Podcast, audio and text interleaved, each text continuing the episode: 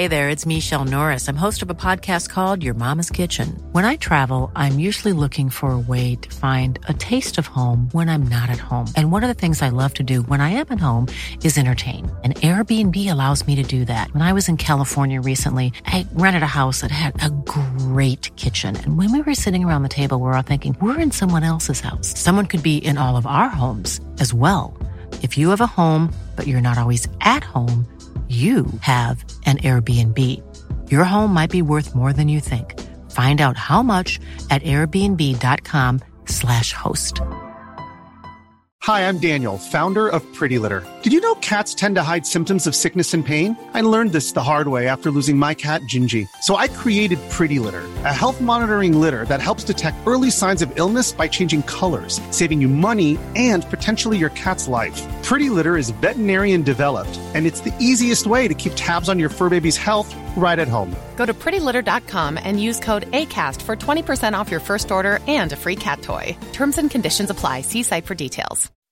When you make decisions for your company, you look for the no-brainers. If you have a lot of mailing to do, stamps.com is the ultimate no-brainer. Use the stamps.com mobile app to mail everything you need to keep your business running with up to 89% off USPS and UPS. Make the same no-brainer decision as over 1 million other businesses with stamps.com. Use code program for a special offer. That's stamps.com, code program.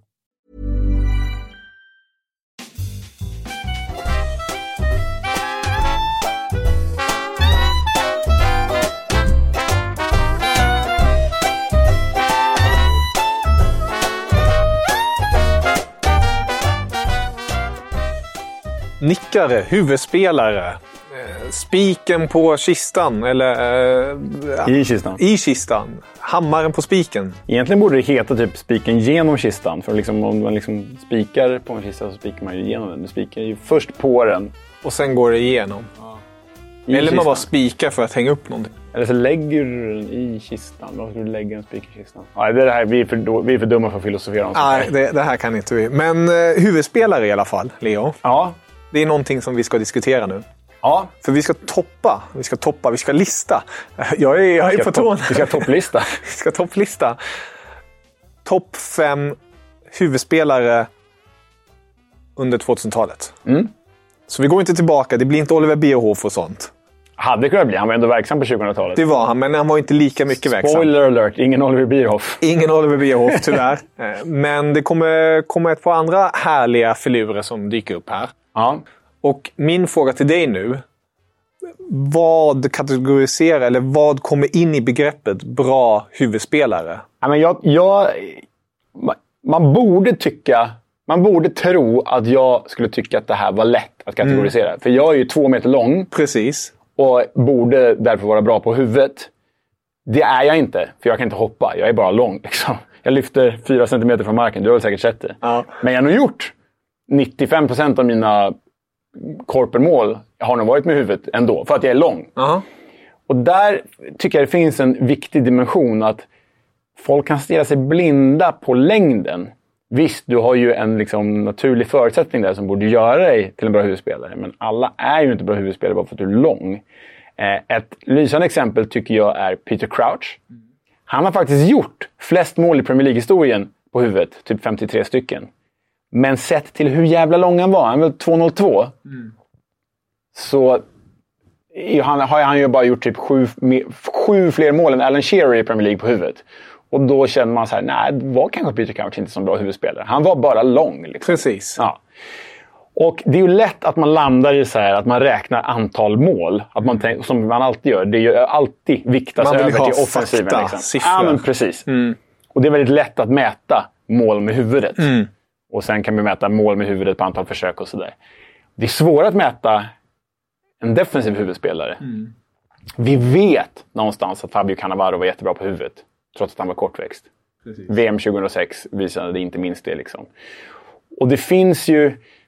Liksom, hur väger man den offensiva huvudspelaren mot den defensiva huvudspelaren?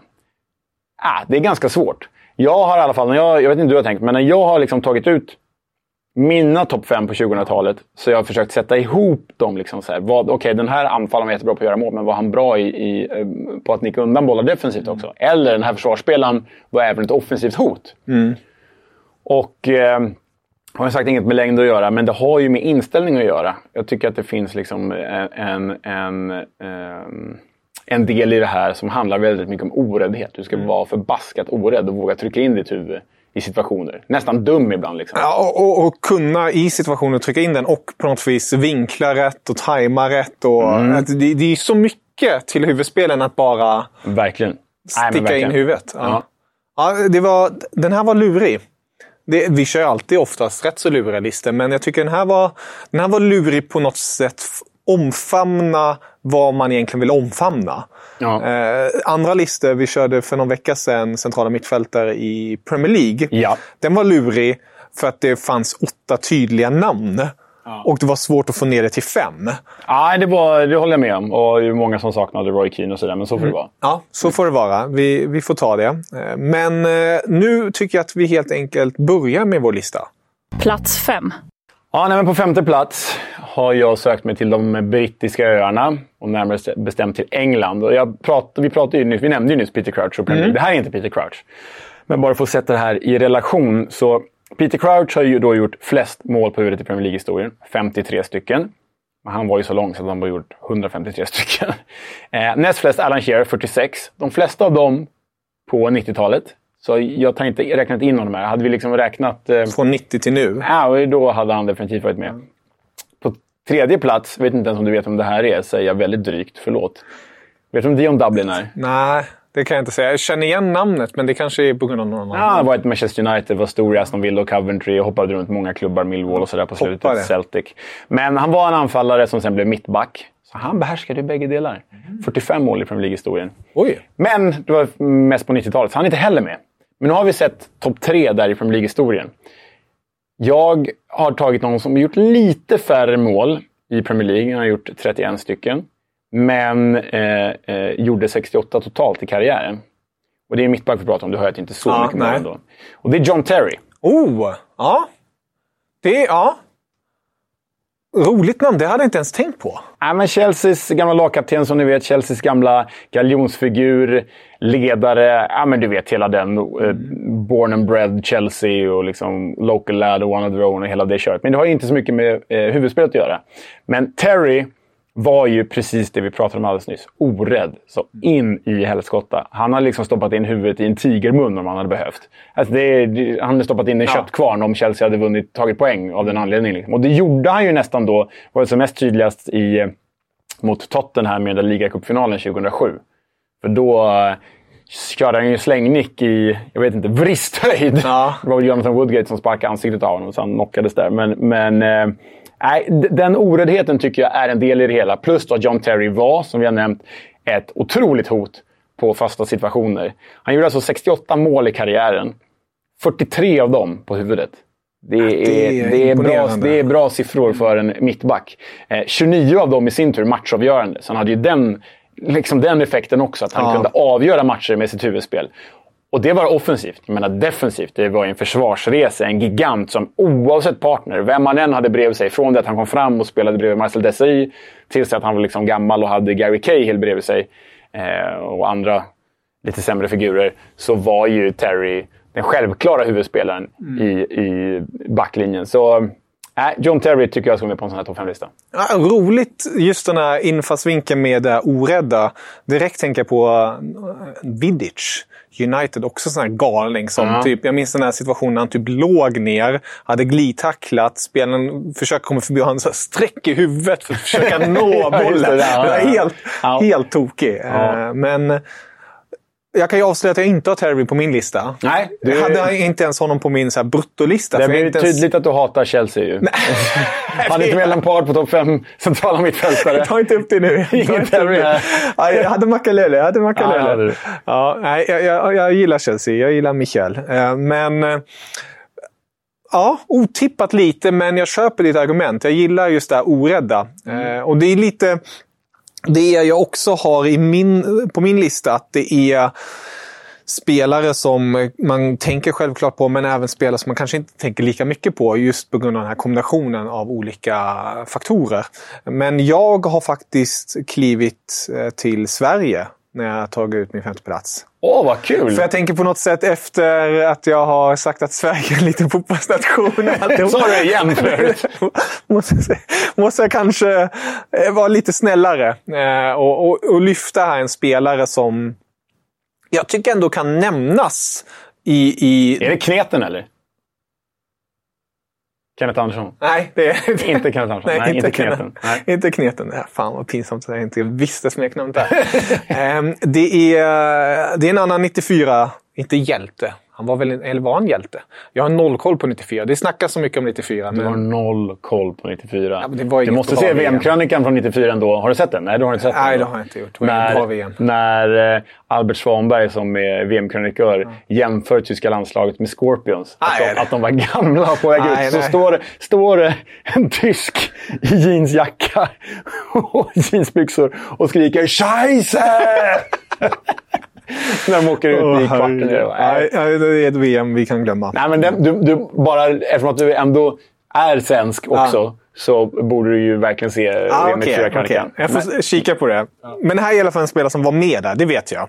Eh, och hade långt hår. Ja, då är det Henrik Larsson. Det är Henke. Kul! Ja, för att ja. jag tycker... Alltså, han har gjort en hel del nickmål. Om jag, enligt Transfermarkt har han gjort 32 nickmål i sin eh, karriär. Mm. Eh, nu är det alltid svårt. Man vet inte om man kan lita det 100% eller inte. Eh, men av dem är 11 avgörande. Eh, men jag tycker mest när jag tänker tillbaka till Henke Eh, var han, ju, han var ju en väldigt smart spelare. Oh, men jag tyckte verkligen. också att han hade... Smartnessen kom också med, med hans huvudspel. Hur han flickade vidare bollen eh, till medspelare. Jag tycker också det hör till här. Väldigt mycket så att han gillade och, vet, den här nicken åt sidan eller snett diagonalt bakåt exakt. så att någon fick öppet Lite mål. Så att man ah. kunde gå vidare och sånt. Och, och självklart målet mot Bulgarien, så här, språngnicken. Eh, den, den är ju... Nej, men det är ju... Är det topp två snyggaste mål som gjorts i svensk... Nej, topp tre snyggaste mål som gjorts i svenska landslagshistorien. Ja. Det måste det ändå vara. Ja, verkligen. Ja. Vilka är de eh, andra? Zlatan mot England? Zlatan mot England måste ju vara där. Ja. Och sen eh, får jag säga kneten igen då. Kenneth Anderssons yttersida mot Brasilien VM 94. Okay, det är mina ja. tre. Ja. Topp fem snyggaste svenska landslagsmål! Det är en, top, det är en superlista! Vilka? Glöm bort att, ni sa det där, att jag sa det där. Gud, det är ju superbra ju. Ja, det är klart vi ska ha den. Vi får, vi måste, vi får ringa Olof direkt. Aha, Han har ju varit på alla. Kim Källström eller Det blir ja. kul. Ja, det är dunderkul ju. Mm. Ah, nu ska vi inte spåra iväg här. Henke Larsson på min femte plats.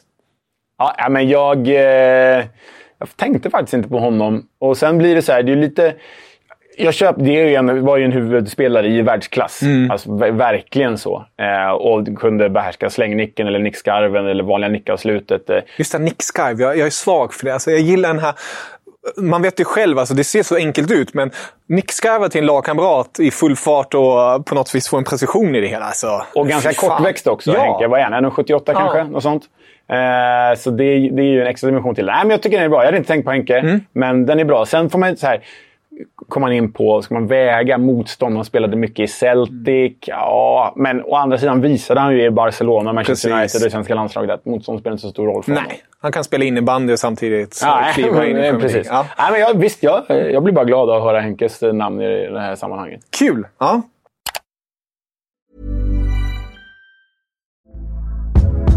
Hey there, it's Michelle Norris. I'm host of a podcast called Your Mama's Kitchen. When I travel, I'm usually looking for a way to find a taste of home when I'm not at home. And one of the things I love to do when I am at home is entertain. And Airbnb allows me to do that. When I was in California recently, I rented a house that had a great kitchen. And when we were sitting around the table, we we're all thinking, we're in someone else's house. Someone could be in all of our homes as well. If you have a home, but you're not always at home, you have an Airbnb. Your home might be worth more than you think. Find out how much at airbnb.com slash host.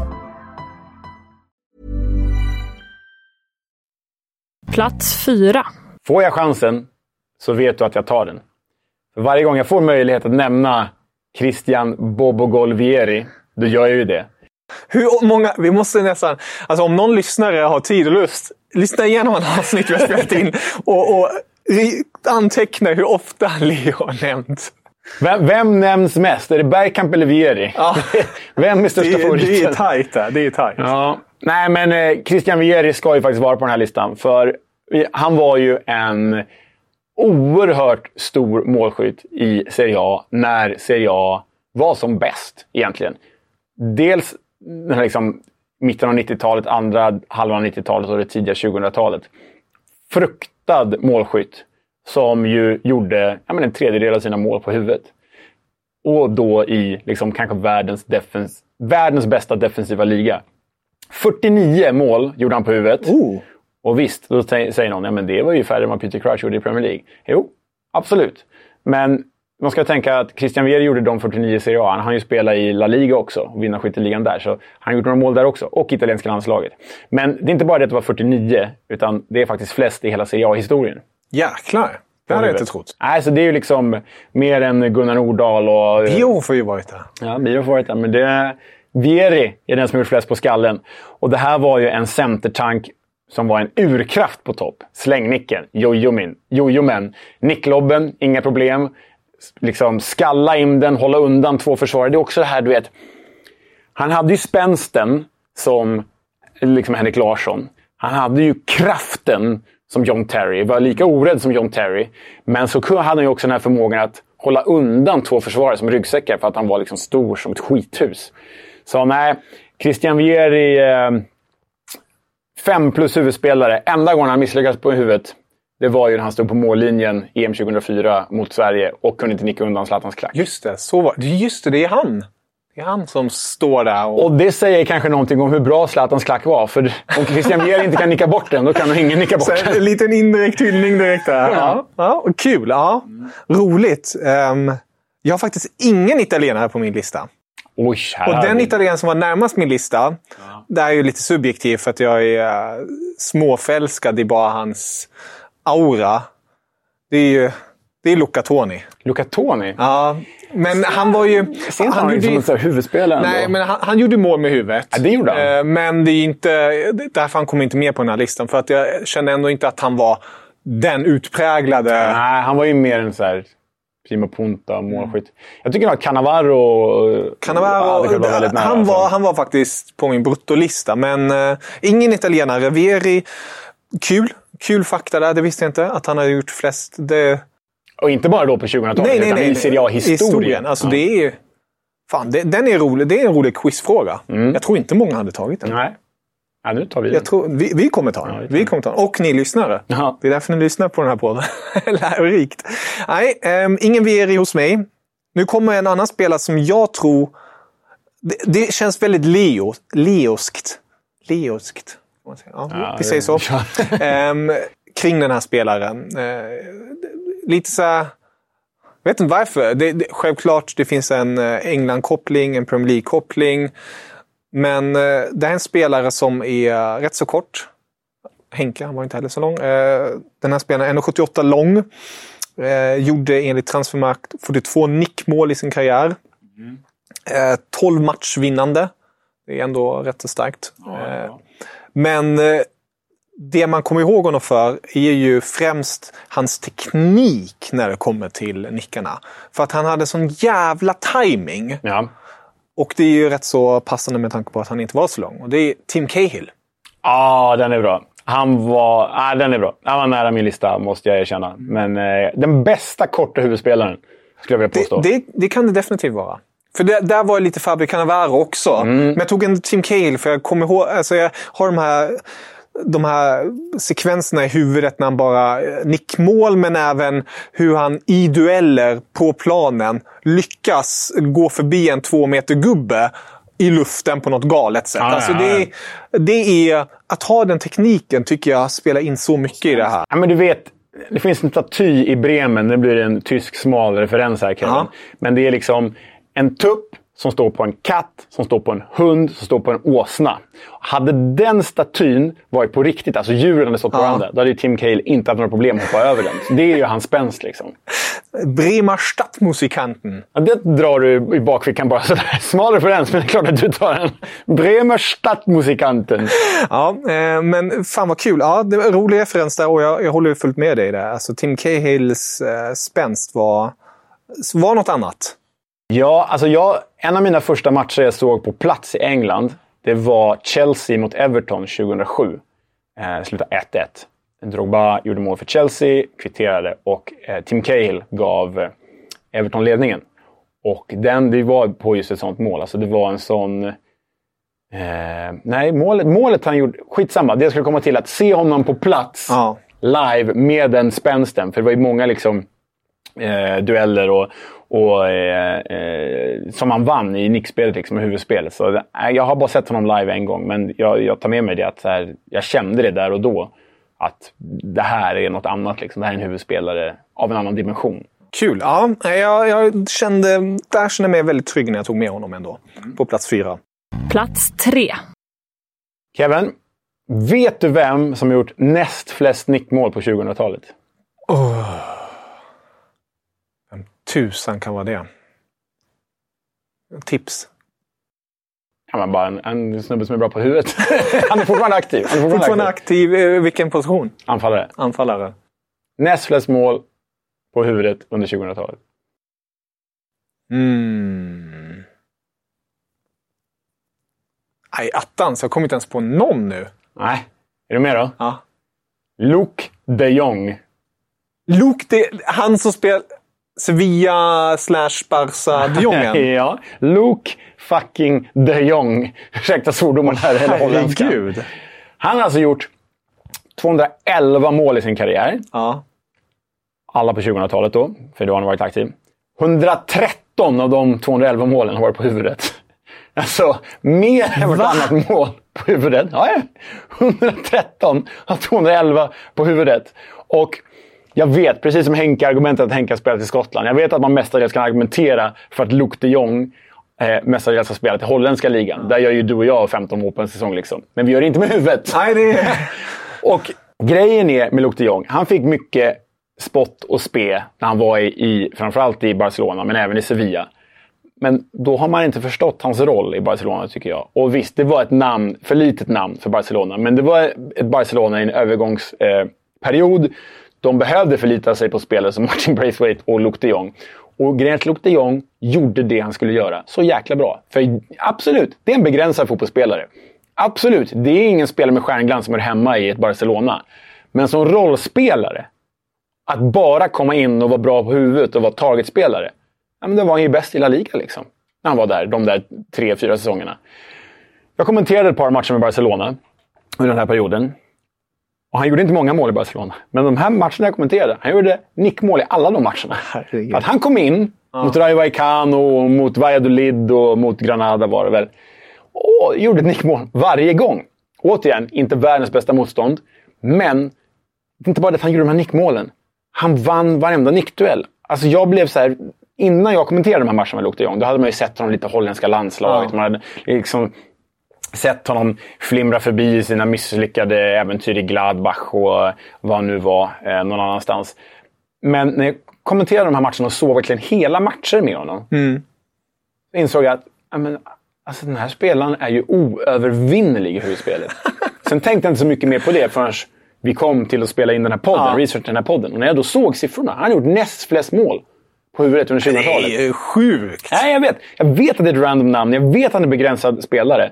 Men som huvudspelare, nej, men typ oöverträfflig alltså. Och nu, precis när vi spelar in det här, kanske avsnittet publicerat lite senare, men jag har precis kommenterat dubbelmötet PS Eindhoven mot Rangers i Champions League-kvalet. Jag tror fan inte Luke de Jong gör nickmål i bägge matcherna. Det är klart han gör. Och jag räknade duellerna i bägge mötena. Alltså huvudspelsduellerna i bägge mötena. I första matchen mot Rangers i Skottland förlorar han en, huvud, en nickduell. I andra matchen vinner han 11 av 11. Alltså, nu, nu, nu spelar de ju så, PSV, att de söker honom på huvudspelet. Och det gjorde ju faktiskt, man kan ihåg Barcelona också när de väl slängde in Luke de Jong. Barcelona spelar inte så, men det Luke de Jong gjorde i Barcelona var att han kunde förändra matchbilden helt och hållet. För Barcelona fick plötsligt ett annat spel, en annan dimension. Jag, jag kan nämna 150 bättre anfall än Luke de Jong. Men jag kan bara nämna två bättre huvudspelare under 2000-talet. Oj, oj, Och det, är, jag, jag, tycker- jag får säkert skit för det här, men jag står för att Luke de Jong är... Ja, nej, han får ju liksom John Terry se liten ut i huvudspelet. Uff. Jäklar. ehm, Jag blev lite paff där. Det, det var, det, vi pratade, jag sa förut att jag inte ens hade John Terry på min lista. Det här hade jag hade kunnat grävt i ett år jag inte hade kommit på den, om man inte tittar på siffrorna då kanske. Men Satan i gatan, den, den såg man inte komma. Nej, Men, men, men samtidigt väldigt kul att det är just en så tydlig fotbollmanager-spelare, rollspelare. Det här gör du, det men här gör han. Nej, men, Punkt. nej, men liksom, och det, det har ju funnits några svenska sådana, typ Sebastian Andersson. Det var ju det han var bra på. Liksom. Nu är det förstört med alla skador och sådär. Men du vet, har en sån spetskompetens som det är så extremt bra på. Det kan ta dig sjukt långt. Titta på Luke de Jong. Han har liksom spelat hur mycket som helst i landslaget på sistone. Så nej, Luke de Jong, tredje plats. Ja. Du slänger upp en nederländare. Som tysk är jag inte superfan av det. Så slänger jag in en tysk i gröten. Oj, i det oj, oj. Hela. Och det är inte Bierhoff. Och det är inte Bierhoff. Då måste man ju gå på spår nummer två i princip. Om inte spår nummer ett. För att det är ju han som har gjort flest mål för det tyska landslaget. Det är han som har gjort flest mål Vem i här vara? VM någonsin. Det är ju Miroslav Klose. Ja. Den, eh, den fina Miroslav Klose som eh, har eh, Inte så lång heller. en 84. Ja, det är ändå över snittet ändå. Ja. För, för, förlåt att jag avbryter det här. Nej. Vad är en kort fotbollsspelare? Vi- Väldigt bra fråga. det? Väldigt bra fråga. Alltså, jag hade ju sagt förut så här. En kort fotbollsspelare. Jag är själv 1,80. Ehm, Jag skulle väl inte kategorisera mig som kort. Men jag skulle heller inte kategorisera mig som lång. Nej, men du ligger snittet är väl, tror jag, för svensk- svenska män 1,81 eller 1,82. Jag är dock tysk så jag kanske kommer i snittet. Men, eh, men eh, nej, man är ju inte en kort fotbollsspelare om man är 1,80. 1,80. Man är ju kort om man är nere liksom på 1,74 kanske. Ja, sånt där. och då är ju Tim Cahill egentligen inte kort heller. Han är 1,78 men han såg så kort ut. Men han är ju under, Han är under snittet. under snittet. Ja. Jag kanske ska säga under Michael 1,80 Owen, bara. hur, hur lång var han? Han var inte så bra. Han var inte så Nej, bra huvudspelare va? Nej, det var han inte. Cannavaro var ju dock kortare. Var han inte typ 1,60 En, någonting? nej, 1,76 tror jag han var. Okej. 1,60. 65, jag vet inte. Halva Villinjonto typ. Nej, nej. Förlåt. Klose. Miroslav. eh, det är ju den anfallaren som Tyskland har saknat sen, eh, sen han la skorna på hyllan. Eh, och han gjorde ju jättemånga mål. Han är ju lite... får näston ont i magen bara att jag säger den här meningen. Men det är ju ungefär en tysk version av Pippo Inzaghi. Alltså alltid vara rätt i boxen. Var så extremt duktig. Han gjorde inte bara mål med huvudet, han gjorde mål med fötterna, Bättre på med tårna. Men mycket bättre på huvudet. Och han gjorde väldigt många bra mål på huvudet tycker jag ändå. Mm. Matchavgörande, jag tror det var uppemot 15 stycken ish ungefär. Så han fanns ju alltid där i boxen. Eh, och, och det var också ett vapen för Tyskland, att kunna slå inlägg mot Miroslav Klose. Eh, ingen Jan Kolle som är 2-2, men han hade tekniken, han hade tajmingen, han hade näsan för målet. Eh, och en, en väldigt komplett anfallare med lite mer spets på huvudet, skulle jag vilja säga. Kul att du nämner Jan Koller, då blir man ju glad. eh, också en sån här spelare som, precis som Crouch, mer Ja. lång än bra va? Precis, Ja. verkligen. Nej, men, du vet vad jag tycker om Klose. Du vet att jag tycker att han är överskattad. Jag det betyder inte att jag tycker att han är dålig. Jag tycker, han är en 4 plus-anfallare. Liksom.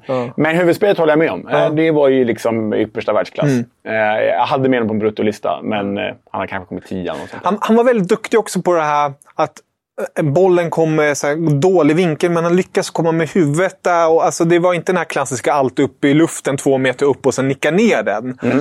Var lite mer så här, han får in huvudet lite här och där. Men det har ju med oräddheten att göra också. Precis som Terry. Stoppa in huvudet lite överallt. Ja, och se vad som händer. ja. Plats två. Räknar man antalet nickmål på 2000-talet så hittar man ju få försvarare. Men en dyker upp på topp 20. Och jag tror att du vet vem det här är. En spelare jag är inte så förtjust i egentligen, men man får respektera han fot- hans fotbollsgärning och kanske framförallt hans huvudspel. För det handlar om Sergio Ramos. Han har alltså mäktat med 55 mål på huvudet, vilket placerar honom på 15 plats över världens främsta målgörare på huvudet under 2000-talet. Wow. Och han är den enda icke-anfallaren på den listan. Respekt. Äh, Det är, det är en oerhörd eh, respekt. Och flera väldigt avgörande mål också. Alltså, vem minns inte du vet, kvitteringen i Champions League-finalen för Real Madrid mot eh, Atletico eh, Madrid där 2014? Han hade ju den förmågan. Här har vi då liksom ett huvudspel i, paritet, om inte bättre, än John Terrys. Äh, Bättre egentligen. Men oräddhet som John Terry. Och så hade han ju den här liksom matchvinnande förmågan som Steven Gerrard, fast han var mittback. gjorde ju så många liksom, avgörande nickmål. Och den här spänsten och den, liksom, den här ledarfiguren i ett. Nej, alltså Sergio Ramos och John Terry är på många sätt lika, Mm. men Sergio Ramos är liksom ändå en nivå över. Och framförallt när det kommer till, till eh, huvudspelet. Jag, jag, bara, jag kan tycka vad jag vill om honom, men jag måste ha med honom. Det, för lägger man ihop det offensiva och det defensiva, och då kanske han till och med borde vara etta. Jag vet inte, men nu har jag satt honom på andra plats. Sergio Ramos. Jag slänger upp det i luften så här nu. Är det inte den typ komplettaste mittbacken under 2000-talet? Har du sett Daniel van Boyten? ah, ja, men det... det, det Alltså, ja. det fin- alltså, han, han har höger, han har vänster. Eh, han är bra på huvudet, han har blicken. Eh, självklart vill jag alltid slänga fram mina tyska Mats Hummels fina genomskärare. Men är Ramos lite för är soft, ju... Hummels, va? Exakt, han. Mm. han är inte lika... Uh. Ramos har ju det fysiska, det, han, är, han är ändå kvick. Han är stark, han är stor. Det är en bra lista eh, med topp fem mest kompletta. Det som talar emot Ramos är att han drog på sig alldeles för mycket kort i karriären. Alltså, Men han kompletterar det med, just Ja. det du är inne på, med målen. De avgörande målen. Ja, jag tror att han är Ehm. en av de tio mest varnade spelarna i fotbollshistorien. Så det, Det känns inte Det, det är negativt ändå. Ja. Ja, vet du vad? Jag, jag kommenterar inte det här. Nej. Ehm, för att, helt enkelt. Så Det betyder att han kanske kommer sen. Kanske det. Nu slänger jag in min två, som jag tror många kommer bli förvånade över. Det här är en spelare som eh, alltid skapar rubriker, en spelare som alla har något att tycka om. Antingen gott eller ont. Eh, Det är få som är väldigt neutrala när det gäller honom. Han gick om min kära landsman Gert de Bomba Müller. Ja, du är, din två är alltså min etta. Då förstår jag. Ja. Mm. Gert Müller hade tydligen ett nickrekord. Eller nickrekord. Det säger man inte. Nickmålsrekord. På 144 mål. Ja. Som eh, Ronaldo nyligen gick om. Cristiano Ronaldo. Cristiano Ronaldo. Mm. Vad tycker vi om det? Ja, det gillar vi inte. Det gillar vi inte alls. Men han gjorde det nickmålet i, i, i, i- Saudi. Så det vi- räknas inte. det räknas inte för att... För Gert Müller, då kan vi säga att det är europeiska Nej, nickmål. nej, men det är klart det räknas. Ja, det, självklart räknas det. Eh, nej, men Cristiano Ronaldo. Jag vet inte, det behövs nog inte säga så mycket här. Det är, det är, en, det är en nickare som... eh, En komplett fotbollsspelare på alla sätt och vis. Alltid när man pratar om Messi och Ronaldo. eh, Jag tycker det, det enklaste sättet att skilja dem åt är ju att Messi är en... en eh, det känns som att Gud eh, la fotbollsskor på honom så kunde Messi göra vad han ville. Ronaldo är mental beast i att vara så jäkla ihärdig med träningen. Har självklart också en talang. Det, det, det, kan, man inte, säga. det kan man inte säga något annat. Men det är, det, det, man ser den här tydliga, när man tittar på den här Ronaldo som precis kommer från Sporting till United. Spinkiga lilla pojke med håret som eh, sticker lite här och där. Ehm, där, där tänkte man inte att det här kommer vara en duktig nickare eller en bra eh, straffområdesspelare eller vad, vad som. Men han har ju tränat till sig och, och har fokuset och att ha just den här han, perfektion. Alltså, det känns ju nästan som att han målar en bild varje gång. Han ser, här ska jag nicka och då vill jag se ut på ett visst sätt. Och han ser ju nästan lite ståtlig ut. En levande tavla, ja. Li, lite så. Alltså sträcker ut, pushar ut bröstet och bara sträcker på sig och spänner låret lite extra och får med. Alltså det är som att han vet, där kommer den, där kommer den, där kommer den. Så jag smashar dit huvudet med vänster. Alltså det, det finns någon, eh, något graciöst över det hela samtidigt. Det gör det verkligen. Ni som lyssnar och inte är med i rummet här när vi spelar in. Eh, ni ska ju se Kevin här när han liksom trycker ut bröstkorgen, nickar i slow motion åt vänster. Det är en, det är en syn. Se, Vi har ju till och med green screen här. Skulle man kunna göra värsta scenerna? Nej. Men jag, jag, är, jag håller med. Jag har ju Cristiano Ronaldo på, på första plats. Alltså att slå ett 42 år gammalt nickmålsrekord. Det, och det var väl bara en tidsfråga eftersom att Ronaldo har gjort flest mål genom tiderna. Men jag vet inte om han har gjort fler sedan dess. Men det var hans 145 nickmål i alla fall. Och eh, jag tänker ju framförallt på det här estetiska som du är inne på. Det här estetiska hänget. Alltså det där målet han gör mot Sampdoria för Juventus för sex år sedan kanske. Han är ju alltså... Hans fotsulor är ju vid min panna. Det är ju två meter upp i luften. Och han gör ju likadant mot Manchester United för Real Madrid några år tidigare. Det- Han är ju helt overklig med det där hänget. Om vi tycker att Tim Cahill har bra häng. Ja.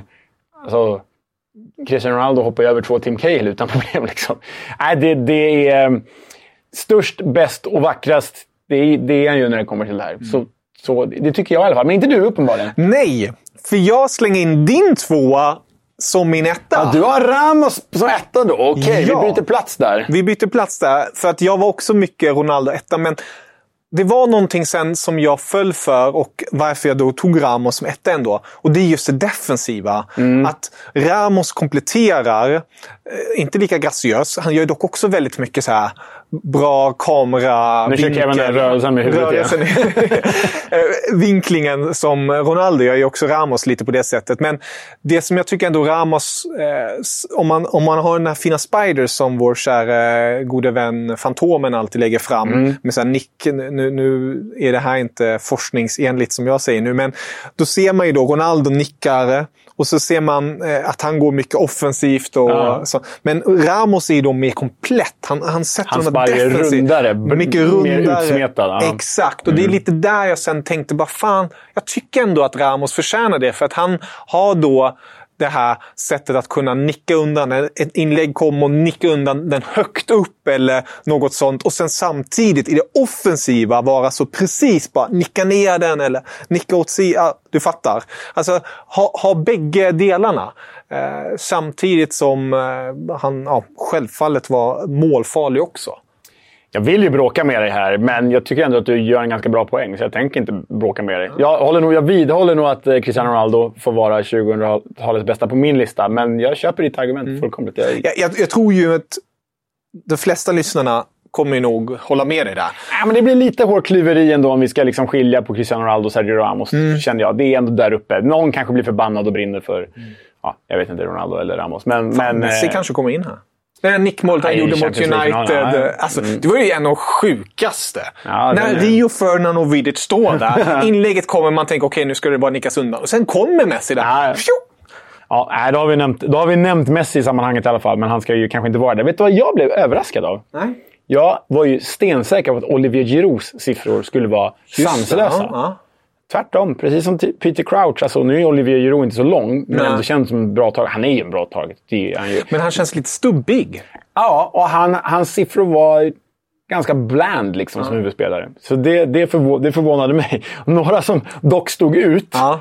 som jag ändå inte kunde förmå mig att med på en sån här lista, men som enligt flera statistiska sidor eh, eh, har liksom varit otroliga på huvudspelet. Har de här namnen. Det är Willy Boli, Willy Orban, två Willy, Ja, han är duktig. Det, det har du. och Leonardo Pavoletti. Pavole, ja! Två meter mannen från... Eh, jag köper honom alltid på Football Manager. Supersnubbe. Jag, jag, Cagliari. ja, jag, jag döper alltid om honom till Luca Toni. Schysst mot honom. eh, sen har man ju liksom funderat på namn som Jared Borghetti, om du Ja. kommer ihåg han mexikanska landslagsanfallaren där. Som VM var det 2006 eller 2002 han gjorde ett riktigt läckert jäkla Jag nickmål. tror fan att det var sex. Jag tror det var i Tyskland. Jag är osäker nu. Men så måste jag bara nämna i sammanhanget Fulham-supporter som jag är. Fulham, han- Nej, han spelade aldrig i Fulham. Men Brian McBride, jänkaren som spelade på topp för Fulham i början av 2000-talet. Han var en bra huvudspelare, men gjorde väl kanske 20 nickmål i Premier League. Liksom, stod inte ut så. Spelade inte jättemånga år där heller. Han är en bra huvudspelare, men det finns en klassisk intervju med honom som jag tyvärr inte hittat. Annars hade jag dig klippa in den. Men jag har bara hittat den i textform. Där Brian McBride får frågan av reportern. Why are you so good with, the, with your head? You score a lot of goals with your head. What's your secret? You know, I grew up as a hard rocker. I headbang a lot. Brian McBride alltså. Ja, det, ja det, så kan man också nicka. Så kan man göra. Så kan vi göra. Ja. Kul! Em, folk, skicka gärna in era listor. Alltid roligt när ni gör det. Eh, uppskattas enormt mycket. Och vet ni vad? Prenumerera gärna på den här podden. Så missar ni inget avsnitt. Och om ni vill, för tre sekunder extra, ge ett betyg i era poddappar. Det hjälper oss enormt mycket att kunna växa, att kunna nå ut till flera och fortsätta med det här helt enkelt. Framförallt om det är ett bra betyg. Om ni tycker att vi suger så sluta lyssna och, ge oss inte betyg. Men om ni tycker om det vi gör så ge oss ett bra betyg. Snälla. Ja, det, det, det tycker jag låter rimligt och trevligt. Em, Men eh, med det sagt, Leo, tack för den här gången. Tack själv. Auf Wiedersehen. Hej.